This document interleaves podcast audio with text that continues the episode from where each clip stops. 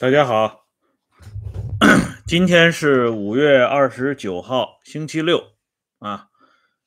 我们今天啊讲一期读书札记，嗯、这个主要呢是从张承泽啊惹祸上身的一张照片说起啊，因为我这个没有做这个 PPT 啊，没办法给大家看这个照片。我简单跟大家说一下，这张照片很简单啊，在网上都能搜到。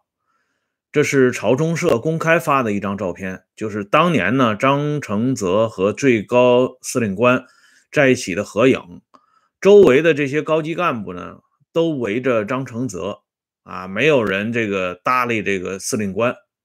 这个照相的人呢，呃，应该说也这个角度也也很独特啊，把这个张承泽呢突出的特别明显，所以最后老张被处决之后。啊，拍摄这张照片的摄影记者也被处决了，啊，罪名是显而易见的。老张当初呢是应该是咱们说啊，大权在握，皇亲国戚，又是托孤重臣，可是转眼之间呢变成了阶下囚，并且下场呢非常的惨。我们从这个新闻当中都能看到，所以从那个时候呢，大家感觉啊，这个司令官这个人不平凡。特别是后来到了二零一七年，他的哥哥那个事情一出来，很多人就觉得司令官这个手段够狠啊，这个心思到位啊等等这种评价。实际上呢，这个情况啊，要从咱们中国的历史上来看啊，并不奇怪。尤其是这种偏霸的局面啊，就是偏霸呢，这是一个啊，看历史啊，要是看多了就知道什么叫偏霸。啊，像大家读这个三国啊，这刘备啊、孙权都是属于偏霸政权啊，就是偏居在一一方，称王称霸，这叫偏霸。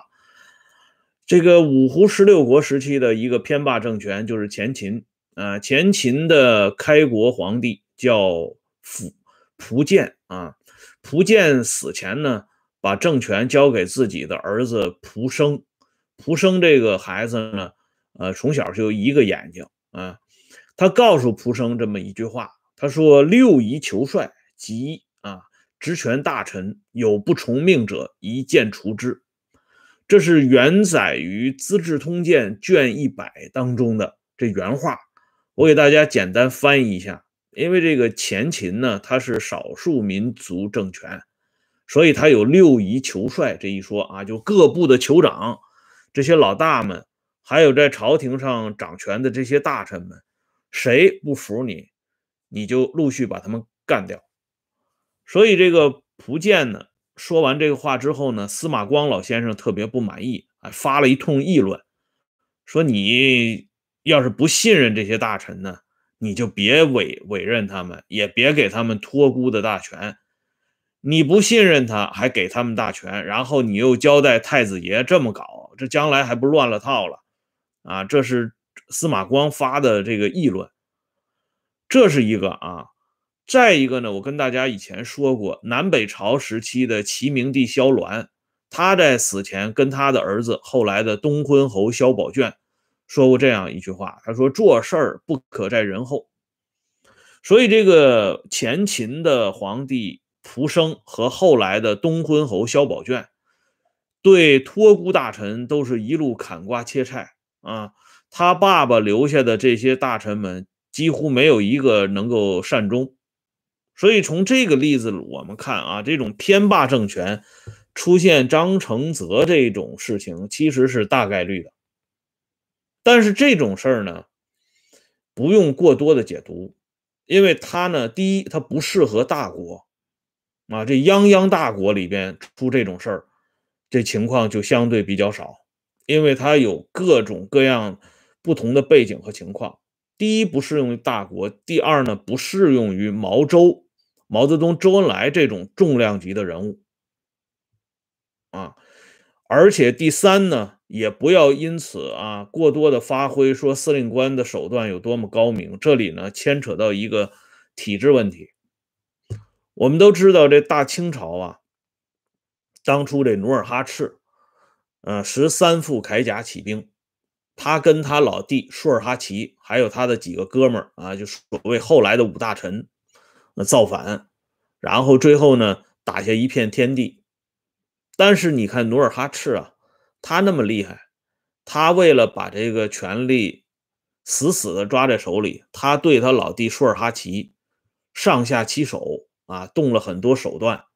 可是呢，他不能把他老弟就说抓起来就抓起来，不行的，因为老弟是第二号人物的，在干部群众当中的威望是很高的，所以努尔哈赤呢，只能把他弟弟啊抓起来啊，用这种这个囚禁的方式，最终呢暗杀掉，不能公开处决，这是有这个他是有这个忌讳的，而且他杀了他老弟之后呢。他还要用他老弟的儿子阿敏做二大贝勒。这努尔哈赤呢，在宁远，就是今天的辽宁省兴城市啊，打败之后呢，啊，怀大愤恨还呢，就是非常憋气，身体也不行了。他去啊，采取一些迷信的手段呢，向上天、向祖宗祷告啊，自己的身体啊越来越好。这样呢，他不派别人，就派他的侄子阿敏。去向他的老爹塔克氏啊去祭拜。那他为什么派侄子阿敏呢？因为他心中对他老弟舒尔哈齐，就是阿敏的亲爹，他是有愧的啊。他担心这个舒尔哈齐的这个呃泉下之灵啊啊找他麻烦。这老辈人他都迷信，所以从这个例子，我们可以看到，即便是像努尔哈赤这样的人。在早期这个创业阶段，对待自己的政治对立面，也不可能像司令官对待张承泽那么简单。那么再往后看呢，这个皇太极上来以后呢，跟他平齐的啊，他的这几个哥哥，包括他叔辈哥哥，刚才我们说的阿敏，都不差什么。所以皇太极呢，只能是啊，一点一点的动用手段，从这个两白旗换成两黄旗。啊，换旗到后边的啊，一系列的小动作，什么挖墙角啊、掺沙子、甩石头等等啊，这些手段，最终呢，才把这三大贝勒啊陆续给搬下来。可是到了皇太极死了以后，这大清朝又出现变动了。啊，多尔衮、多铎啊，跟这个皇太极的亲儿子豪格他们啊势不两立。啊，这两黄旗的大臣们，像索尼、鳌拜这些人。都要站出来，来保护这个两黄两黄旗的既得利益。双方呢剑拔弩张。后来多尔衮呢做了一个平衡，这才有这个顺治皇帝啊上台的这个历史。也就是说，在关外的这一段大清朝呢，大家都是势均力敌，谁也不敢轻易把谁的桌子给掀翻了。即便是要搞对方，恐怕也是要从暗中入手，一点一滴的来。可是到了康熙朝，大家看一下啊，康熙那么年轻，十几岁就利用索额图，还有他身边的一些巴库啊，就是这个摔跤的能手，就把这个鳌拜给弄起来了。这个跟当年啊在关外的那个情况就完全不同了，因为这个时候大清朝入关已经几十年了，这个政权呢相对也就稳定了。再者说呢，这皇帝。本身不仅是八旗共主，同时更是两黄旗当然的主子。鳌拜是两黄旗的大臣，主子处分奴才，这是天经地义的。所以你看，当时康熙皇帝只要把鳌拜抓起来之后，鳌拜的那些啊平常的那些党羽，包括平常帮着鳌拜说话的什么康亲王节书啊，就是代善的孙子啊，李亲王代善的孙子，还有其他的那些大臣们，啊，立马。也都向皇帝靠拢了，基本上是波澜不惊。但是呢，咱们得说啊，康熙皇帝呢还是挺有政治智慧的，他还运用了一些手段啊，迷惑了鳌拜。因为鳌拜这个人，大家知道，这是满洲的这巴图路啊，很厉害的一个人。可是到了雍正朝呢，大家看一下，年羹尧有那么大的功劳，隆科多呢身里啊身上藏着那么大的秘密。就在不经意之间，就让皇帝呢给拉下马了啊！赐死的赐死啊，囚禁的囚禁，基本没有任何反抗能力。到了乾隆皇帝的时候，大家看一下，那就更简单了。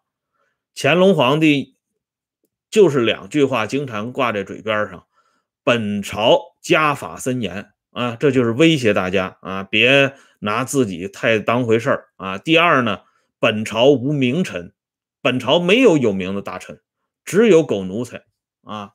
这已经完全是君临天下的感觉了。所以从这个例子里边，我们就可以看到，啊，毛周之间的关系是相当复杂的。周和毛之间当年携手创业，啊，这天下呢基本上是在他们手中完成的。而在毛这毛周携手运作的同一时期，这些老将老老帅们也都是啊直风沐雨，从死人堆里爬出来的。这些人的手段也是不遑多让啊，那摆到人堆里也都是人尖子啊。当然，这个人尖子用今天的标准，或者是用正常的标准来看，是要打引号的啊。所以在摆弄这些人头的过程当中，毛泽东是颇费心思的啊。他这辈子主要就是扒拉人头啊，扒拉来扒拉去，就是这样。谁不服他呢，他就整谁。整到什么程度，他自己是心里有数的。什么时候呢？把这个人再捞出来，再重新用一下，啊，用什么样的人整什么样的人，啊，整到什么程度，他每天算计的都是这种事儿。哎，但是在周恩来这个事情上，那就不那么简单了。否则毛也不会啊出现拖延治疗这件这种事情。他对周的这种处理办法，跟努尔哈赤当年对苏尔哈齐。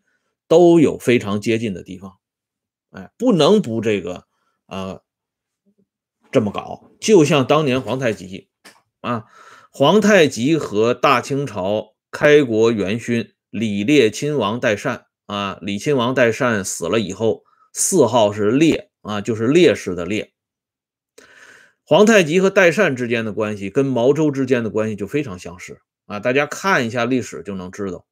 当初如果没有代善和他的两个宝贝儿子，后来封为大清朝最早的一批亲王——和硕成亲王岳托和追封的亲王和硕颖亲王萨哈林，没有这哥俩啊支持这个皇太极，皇太极是不可能继努尔哈赤之后成为满洲的主子的。哎，所以对于代善，皇太极呢是又拉又打。哎，好在呢，代善这个人他一直没有做一把手的想法。后来皇太极嗝屁之后呢，这满洲内部呢还是要推举老大老大哥啊，其实是二哥啊，二哥代善出来。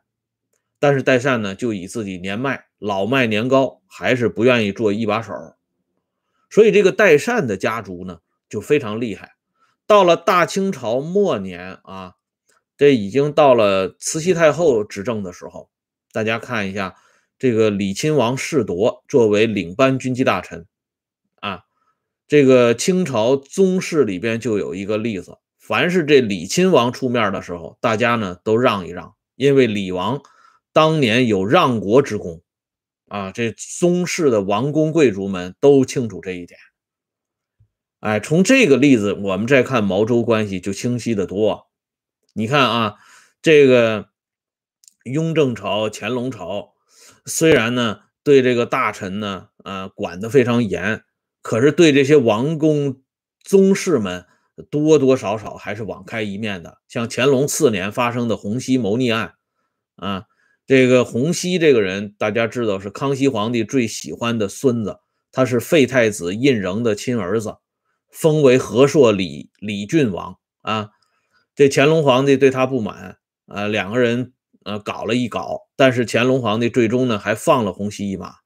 可是这种事情到了清朝末年，像这个慈禧太后发动的热河政变就没有那么客气了啊！一开口就杀了两个铁帽子王，一个是怡亲王允祥的后代，一个是这个正亲王济尔哈朗的后代啊。其中肃顺呢，直接就送到菜市口了啊。所以啊。这种事情就是越往后，这情况变得就越简单、越粗暴。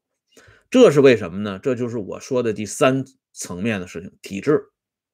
就这个螺丝呢是越拧越紧，越往后呢，这个政权越稳固，他的这种上尊下卑的格局呢就越来越突出，越来越明显。哎，只要老大发发一句话，这底下如果没有司马懿这样的人物出现，那基本上是太平无事的。所以大国呢，不用搞这种偏霸局面啊，急扯白脸的，撕破脸了，大家都已经都啊，都已经是图穷匕现的这种状态，不会用这种手段的。哎，而这些事情呢，也彰显不出来这个老大有多么大的本领，他实际上就是啊。用这个古人说的话，托天地祖宗之福，因为之前祖宗已经把这个江山，啊，做成了铁打的样子，哎，所以呢，他发了话之后，底下人照办就可以了。哎，这金正恩呢，能够把这老张放倒，其实很大程度也是得益于他的祖父、他的父亲做的这些事事情，而且啊，从历史角度来看，这个金二世、金太宗。嗝屁之前，想必也应该跟这个司令官说过类似于像前秦国主啊蒲剑和齐明帝萧鸾说过的那类话啊，六夷求帅，有不服的就收拾，做事不可在人后。哎，否则的话，后来这个事情呢也不会连续发生这么两件突发事件。可是毛泽东和周恩来之间的关系就太复杂了。哎，我刚才举了代善和努尔哈赤的，呃，和皇太极的例子，也是说明这一点。周始终在很长一段时间里是毛的上级，他妈，他始终是压这个毛一头的。哎，另外一方面呢，这个周在党政军的人气非常厉害。这里呢，就涉及到一个话题。前两天有的朋友在回复里就问过，他说呢，这个。啊，那个意思啊，就是说毛最后在安排后事的时候，还不是他想让谁上谁就上，这可不是这么说啊。这毛泽东在发动文革的时候，他有两个最重要的助手，一个是林彪替他掌握军队，一个是周恩来替他当这个大管家，替他管这个中央专案组。哎，因为那个时候公检法已经砸烂了，而且是有意有意思的砸烂啊，所以这种情况下呢。文革尽管是逆势而上，但毕竟呢，有这两个不同的人物在那里做帮衬，所以文革一开始到九大这一段时间的局势呢，他始终能掌握在毛的手中。除了个别的啊，像七二零事件有点失控以外，剩下还都是平稳过渡，在上层进行剥损，一层一层的扒，从罗瑞卿、彭真、贺龙。到杨成武也都比较顺利，可是林彪事件出了以后，毛的身体就垮掉了。这说明什么呢？说明林彪这件事儿给毛的打击特别之大。更主要的是，毛的这两个重要的助手一下子就垮了一个。再往后呢，他想搞掉周就更不容易了，并且呢，咱们说。毛的晚年确实是如日中天啊！他一句话，大家呢都要雷厉风行，落实只是不过夜。但问题是，就像曾国藩说的那句话：“是英雄就要培养羽翼啊！”毛在那个时候没有太多的羽翼了。王章、江瑶这些人就是城狐社鼠。说实话，大家回头看一下当初这个一九七六年十月六号怀仁堂事件的前前后后。连吴德、季登奎这样的人对王章、江瑶都不满意了，啊，连江青身边的工作人员都要对江青动手了，就说他们已经犯了众怒了，哎，所以这些人是成不了气候的。在这种情况下，也是毛为什么不敢贸然把总理这个位置交给张春桥，而不得不交给华国锋的原因。哎，而且呢，毛始终也不变。把这个中央警卫大权交出来，也始终在汪东兴手中。当然，最后呢，出事也就在老汪身上啊。所以，这种大国的政治博弈跟这种偏霸政权是完全不同的。特别是这些老一辈都在的时候啊，你想轻易的就把谁谁拿掉，一句话就想把谁从这个政治局里头赶跑，甚至到呃。身败名裂的这种程度，不是那么容易的。否则毛也不会留给毛远新那句话，让毛远新锻炼好身体，继续跟邓小平做斗争。他如果能一巴掌拍死老邓的话，他还说这个话干嘛呢？不行了，就像这个演员陈建斌在那个《甄嬛传》里的那个台词一样，回不去了，都回不去了。哎，所以呢，今天讲这么一段这个毛周的关系啊，是泛论啊，泛泛而谈。是为了我们现在正在进行的这个系列，给大家戴个帽子啊，大家心里呢要清楚一点，就是说毛晚年在八大军区司令员对调，在周恩来这个治疗问题上的拖延啊，有意拖延等等做的这些铺垫，也都反映出毛呢在晚年执政过程当中，他有力不从心的一面，但他又同时呢想保持第一次啊无产阶级文化大革命的胜利果实。他不得不呢采取一个又一个的下策，哎，就这么简单，哎，所谓这个毛当年不是说过那句话吗？他经常念的那首诗嘛，“时来天地皆同力，运去英雄不自由”啊。这个诗呢，他当年是念给中央文革小组成员王力，可是后来呢，这首诗呢，毋庸置疑的落在他自己的身上，哎，形势比人强，还是这句话。好了。今天的话题呢，咱们就说到这里。感谢朋友们上来收看和收听。一会儿呢，啊，咱们有时间的话，再把这个党史杂谈再讲一期啊。这就是咱们今天周六的安排。谢谢大家，欢迎大家关注温相说时政会员频道啊。周一到周五每天都有更新。